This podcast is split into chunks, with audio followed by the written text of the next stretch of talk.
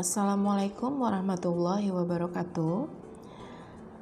Anak-anak, minggu lalu kita sudah pelajari tentang pengertian seni lukis menurut beberapa ahli. Kemudian mempelajari tentang aliran seni lukis dan gaya seni lukis. Juga telah dipelajari tentang tujuan melukis. Pada pembelajaran hari ini, kita akan pelajari tentang tema seni lukis. Silahkan kalian dengarkan penjelasan berikut. Setiap manusia memiliki sudut pandang yang berbeda di dalam menjalani hidup ini.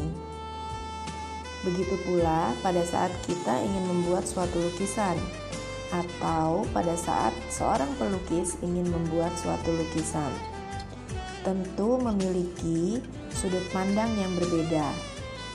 Perbedaan sudut pandang dapat dipengaruhi oleh suasana, kondisi pada saat si pelukis itu membuat lukisan. Bahkan, waktu dan geografis pun juga mempengaruhi.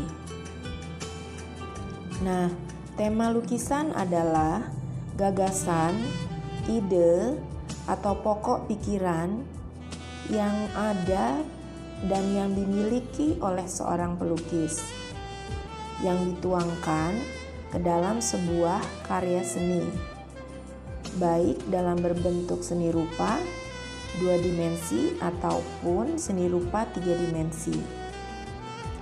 Nah, tema-tema di dalam pembuatan karya seni rupa di antaranya adalah satu tema lukisan tentang manusia dengan dirinya sendiri yaitu yang menjadi objek adalah diri si pelukis itu sendiri.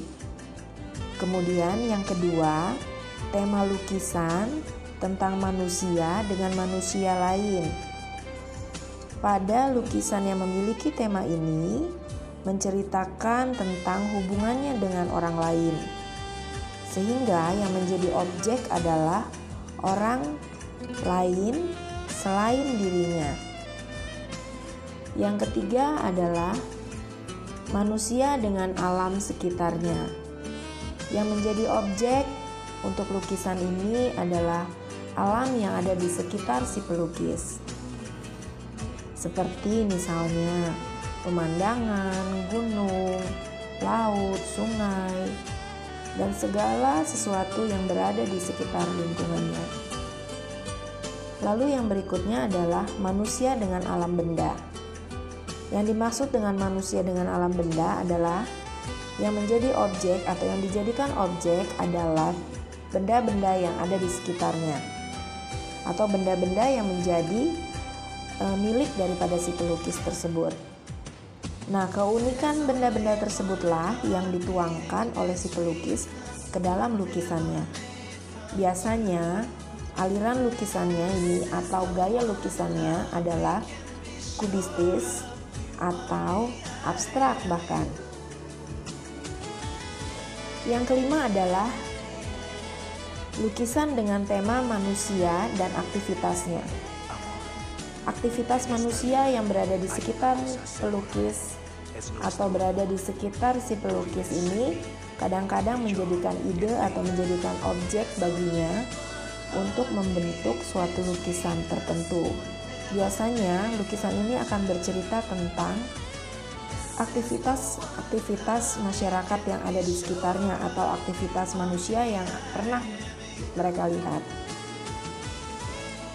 Misalnya seperti kegiatan di pasar, kemudian membajak sawah, lalu menari.